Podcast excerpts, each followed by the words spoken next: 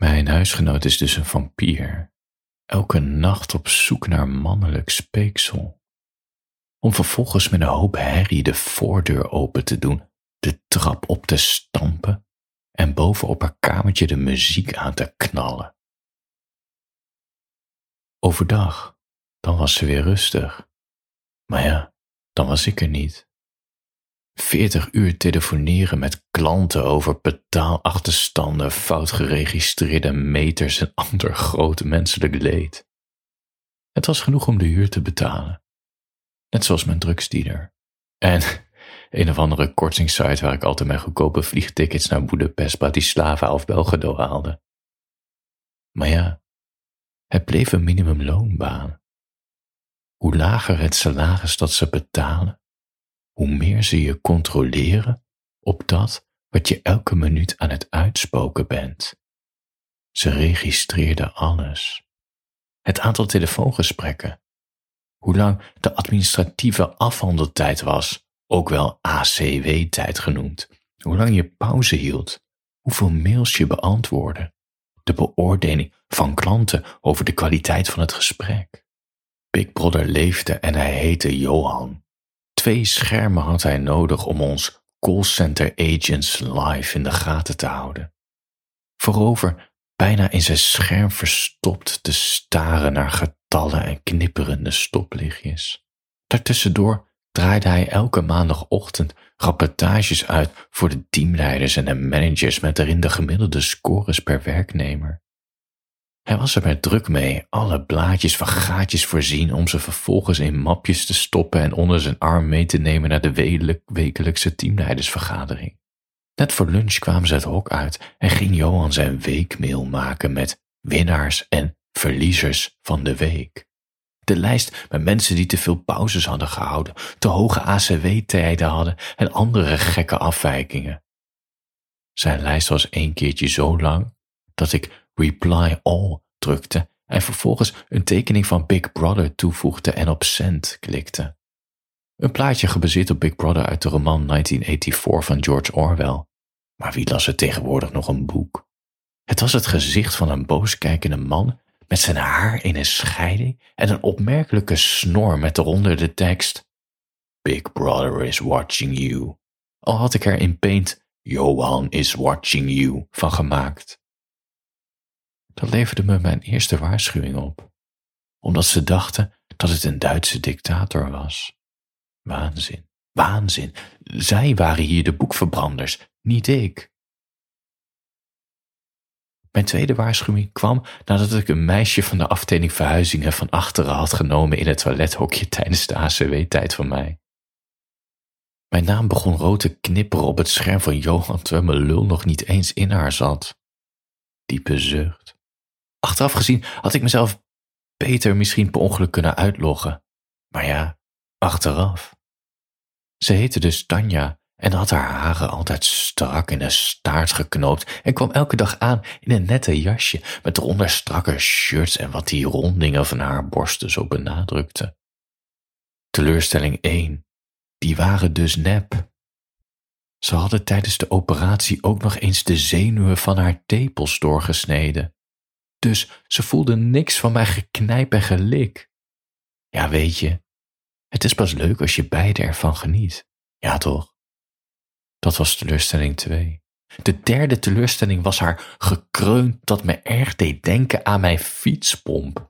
Zo'n schel geluid als je op en neer ging met je armen, terwijl je je rug begon te voelen omdat hij zo bol stond en je bij elke beweging afvroeg of de lucht in of naast het ventiel ging. De vierde teleurstelling was dat ik in haar was klaargekomen en dat kwam gewoon door dat gekreun wat me te erg afleidde. Dus moest ze een abortus plegen, wat echt een onzinverhaal was. Maar goed, als man heb je al snel de schijn tegen als het hierop aankomt. Toen we beide licht verward met rode vangen uit het toilet kwamen en zij de ene deur pakte richting de afdeling en ik de ander, wachtte Johan me op bij het kopieerhok met zijn armen over elkaar. Daarna wenkte hij me mee naar zijn twee schermen. Bij mijn naam knipperde een rode lamp en vervolgens wees hij naar het scherm aan de muur. Meer dan honderd mensen stonden in de wacht. Waar zijn we nou helemaal mee bezig? vroeg hij. Leg me dat eens uit. Vooral de we ergerde me.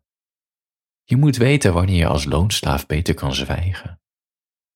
Dus ik liep, zwijgend, terug naar mijn plek, ging zitten op mijn bureaustoel, deed mijn headset op, bewoog met de muis en zette mezelf op ready en nam het volgende telefoontje aan. Met Thompson spreek je? Wat kan ik voor u doen? Mijn hart bonkte in mijn keel. Mijn vingers roken nog naar de kut van Tanja. En ik voelde de ogen van Johan in mijn rug branden. Ondertussen klikte mijn muis door een aantal facturen heen om de vraag te beantwoorden. Nee, ik zie inderdaad dat de rekening van november nog open staat, mevrouw, zei ik. De non-binaire collega die naast me zat fluisterde toen mijn telefoongesprek over was. Ze hebben het over je. Ik weigerde mijn nek te bewegen. Wie? zei ik. Johan, met Anja en Yusuf. De teamleiders. Anja en Yusuf namen me niet veel later mee naar een vergaderhokje. Ze lieten me zitten en vroegen wat er precies gebeurd was. Ja, ik kreeg de deur van het toilet niet open, zei ik. Je kreeg de deur van het toilet niet open, zei Yusuf. Nou, zei ik, ja, daar komt het in feite op neer. Daar komt het in feite op neer? vroeg Yusuf. Zo kun je het wel stellen, ja, zei ik. Zo kun je het inderdaad wel stellen, ja, zei hij. Ze namen me het vooral kwalijk dat ik niet communiceerde, maar gewoon zwijgend ging zitten, alsof Johan lucht voor me was. Nou ja, dat was hij ook. Waarschuwing nummer twee voor in het dossier. Bij drie was het over en uit, optieven, wegwezen, opgerot. En iets in me wilde dat het via waarschuwing drie over zou zijn, zodat ik een goed verhaal had voor mezelf en om tegen anderen te zeggen waarom deze baan er toch niet was. Maar waarschuwing drie kwam maar niet. Zelfs niet na de geruchten over een abortus. Zelfs niet nadat ik het tapijt onder had gekotst bij de printer op de vrijdagmiddagborrel. Wat meteen de laatste borrel van de aftelling was, aangezien te veel mensen zich kapot sopen in plaats van gezellig een drankje deden. In dat opzicht was het callcenter een zooitje ongeregeldheden. En heb ik het niet eens over mezelf. Mijn huisgenootje Sis, de vampier, had ik hier op de werkvloer ontmoet en had me aan een kamer geholpen in haar huis. We hadden een goede klik vanaf het eerste gesprek. Trainspotting, Requiem for a Dream, films scheppen een band. We lachten de hele dag door als we bij elkaar in de buurt waren. We zaten in de pauzes op elkaars schoot. Mensen begonnen zich zelfs af te vragen of we niet een verliefd stelletje waren. Dat was niet het geval, want ze is vampier en vampieren hebben moeite met op tijd komen. Sis kwam er vaak mee weg, omdat teamleidster Anja een moeder gans was. Die bemoedigde graag kwetsbare meisjes, zodat ze zelf het gevoel had dat ze ertoe deed. Alleen, Sis was niet kwetsbaar. Haar heftige jeugd en leven maakte haar alles behalve kwetsbaar. Ze was een overlever en overlevers zorgen vooral goed voor zichzelf. Ze knippen gemakkelijk vriendschappen door als het te veel energie kost. Ze kunnen aanhankelijk doen en je de wereld beloven, puur om te krijgen wat ze willen maar dumpen je net zo hard als ze zich gaan vervelen in de relatie. Zo ging dat gewoon. En Sis was niet manipulatief om andere mensen te naaien, maar om zichzelf te beschermen. En Sis slikte graag één keer in het seizoen een ecstasy-pilletje om haar zorgen te vergeten. En elke keer weer als ze een pilletje had geslikt, was ze daarna minstens een week ziek. Snotterig, buikpijn, bleek koppie. Maar Sis had zich ook al te vaak ziek gemeld dit kwartaal en dat is ontslag in de wereld van Johan. Moeder Gans moest iets doen om dit te voorkomen. Een gesprek volgde en daar kwam uit dat Sis op een burn-out afstevende, omdat ze niet zo lekker in haar vel zat door privéproblemen, whatever that may be. Om dat te voorkomen mocht ze voor minimaal een maandcyclus elke ochtend later beginnen dan iedereen, want dat zou haar helpen. Ja, dus daar kwam ze elke ochtend om half elf de afdeling opgewandeld met de grootste glimlach die je maar kon voorstellen en ik maar nee schudde met mijn hoofd. Ze kreeg het zelfs voor elkaar om deze maatregel met een maand te verlengen. Daarna moest ze weer net als iedere andere sterveling om acht uur beginnen met telefoontjes aannemen en begon ze zich weer te verslapen en volgde uiteindelijk dan toch ontslag.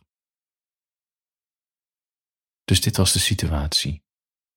Ik, elke ochtend voor de zon opkwam de deur uit en zij vele nachten in de week op zoek naar mannelijk speeksel. Eigenlijk maakte het niet uit of ze vele mensen meenam of één persoon naar huis. Het gestamp, de muziek en het gepraat hield me altijd wakker. Het verbaasde me dat mijn andere huisgenoot T-Rex er nooit last van had. Maar goed, ik verbaasde me wel over meer dingen bij T-Rex. Hij liep altijd in trainingsbroeken rond en poepte drie keer per dag. Drie keer per dag. Ik kon het weten, want mijn kamer zat naast de badkamer. En in het weekend trok die geur zich via het sleutelgat en door de kier tussen de drempel en mijn deur zo mijn kamer in, zo recht naar mijn neus dat ik ervan moest kokhalzen. Drie keer per dag dus, kokhalzen. Hij verbaasde zich er dan weer over dat mijn stoelgang eens in de drie dagen plaatsvond. Ja, elkaars banaliteiten kan je niet negeren als huisgenoten. Sis verraadde zich altijd door de zwavellucht omdat ze een lucifer aanstak als ze bezig was. En ze oprecht dacht dat het je eigen geuren liet verdwijnen. Lol. Die geur van haar scheid kon ik nog wel hebben. Het waren haar nachtelijke avonturen die me zo uitputten. Het was elke ochtend weer een strijd om mijn ogen open te krijgen. Het was een strijd om op de fiets tijd te winnen, door rode stoplichten te negeren en regelmatig op mijn trapper staan om vaart te maken. Regelmatig zat ik nog met mijn jas aan en muts op mijn hoofd de eerste klanten woord te staan om een waarschuwing van Johan te voorkomen.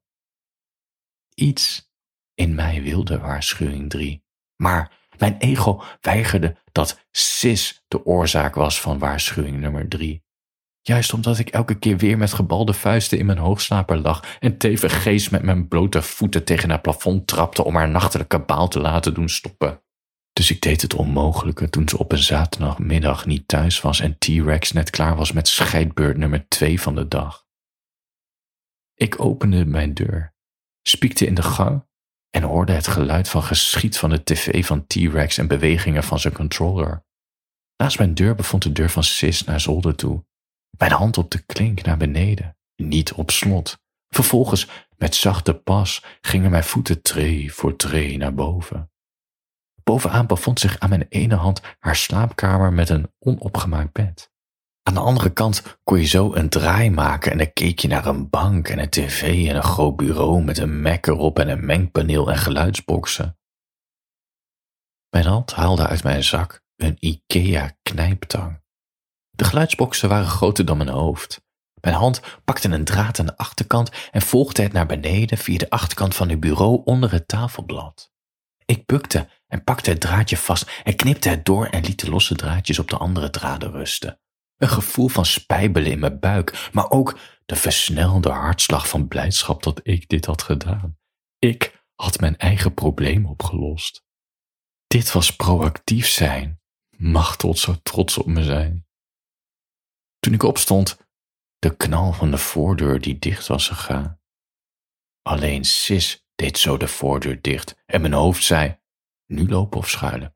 Nu naar beneden lopen of schuilen. Nu naar beneden lopen of schuilen. En dit gedenk dat kostte maar tijd. Voetstappen op de trap naar de eerste verdieping. Het was nu te laat om nog de trap af te gaan, want dan zouden we tegelijkertijd op de overloop aankomen. Mijn lijf bewoog eerst richting de bank, toen de andere kant op naar haar kledingkast, om vervolgens toch naar haar bank te gaan. Precies achter de zijleuning naast een plant was ruimte om te bukken. Mijn handen trokken de plant iets naar achter. Ik ging achter de bank op een nurken zitten en trok de plant naar me toe en probeerde mijn gedachten te vermijden hoe stom dit eigenlijk was als ze me zagen. De deur ging open. Gestamp, de trap op, pop, pop, pop. Echt niet, zei ze. Wedden van wel, zei een mannenstem. De voetstappen waren nu op zolder. Ik maakte me zo klein mogelijk en hield mijn adem in terwijl ik mijn hart in mijn keel voelde kloppen. Je bent zo'n sletje, zei hij. Laat dat, zei Sis. Sletje, ik meen het, zei Sis en liet een hoge gil horen. Ah, niet doen, zei ze. Mijn voeten en benen begonnen te tintelen. Vervolgens drukte de bank tegen mijn schouders aan omdat ze erop waren gaan zitten of liggen of zoiets. Hand weg, zei Sis. Je bent gewoon nat, zei hij. Weg nou die hand. Kom, zei hij. De bank gaf weer een zacht klopje tegen mijn schouder aan. Niet hier, zei ze. Waar dan? vroeg hij. Gestap over de vloer, richting de slaapkamer. Geluid van beweging. Toen was het even stil, maar ik durfde mijn hoofd nog niet op te tillen. Daarna begon het gekraak van het bed en daarna het gekreun van hun beiden. Als een stokstaart keek ik omhoog en schoof de plant opzij en ging recht overeind staan en voelde mijn rug. Die was ook niet meer wat het geweest was. Daarna met zachte stappen naar de trapopening, een vluchtige blik in de slaapkamer. Ze lagen missionaris in elkaars ogen te kijken, zo romantisch. Via een snelle beweging was ik op de trap en uit hun zicht, volledig in freeze mode, te luisteren. Het ritme van het gekraak bleef hetzelfde, het gekreun ook. Ene voet een tree naar beneden, de andere voet gekraak. Ditmaal veroorzaakt door mijn voet, zo'n kraak die alleen een houten trap kan maken. Mijn ademhaling als een astma-patiënt die ik via mijn neus probeerde te dempen qua geluidsoverlast. Weer zacht gekraak. Luisteren. Het bed piepte nog. Het gekreun was er nog. Volgende treden. En nog één. En nog één. Tot ik bijna beneden was. Daarna nam ik snelle passen, deed de deur open en keek naar de deur van T-Rex. Schietgeluid klonk nog steeds. Mijn hoofd was nat van het zweet en mijn mond was zo droog als maar kon. Mijn ademhaling voelde niet meer zwaar aan. Het gekreun was overgegaan in ja, ja, ja, ja, ja, ja, ja van Sis en oh, wat is dit lekker. Oh, wat is dit lekker. Oh, wat is dit lekker van hem. Op mijn kamer trok ik een biertje open en nam de eerste slok voor het raam. Dat gevoel dat al mijn zorgen voorbij waren, doordat de muziek niet meer kon spelen. Wat een grap. Die nacht gebeurde er iets wat ik waarschijnlijk zelf had veroorzaakt. Bij openen van mijn ogen wist ik het al. Ik ben nooit wakker voor de wekker. Spiekend tussen de spijden van mijn bed door gaf mijn wekker geen enkel licht. Dit zou waarschuwing nummer drie gaan worden. Hey, als je nog wakker bent. Je hebt geluisterd naar een autofictieverhaal. Normaal schrijf ik fictieverhalen, af en toe. En stop ik autobiografische elementen erin, hele kleine details. En nu dacht ik, wat als ik het omdraai en gewoon een autobiografisch verhaal probeer te vertellen? En dan heel veel fictie-elementen erin stop. Daar heb je net naar geluisterd. Dat heet dus autofictie. Als je benieuwd bent welk gedeelte van dit verhaal echt is en wat verzonnen is, op Petje Af heb ik een aftershow. Daar praat ik in detail uh, verder over dit verhaal. Linkje in de show notes.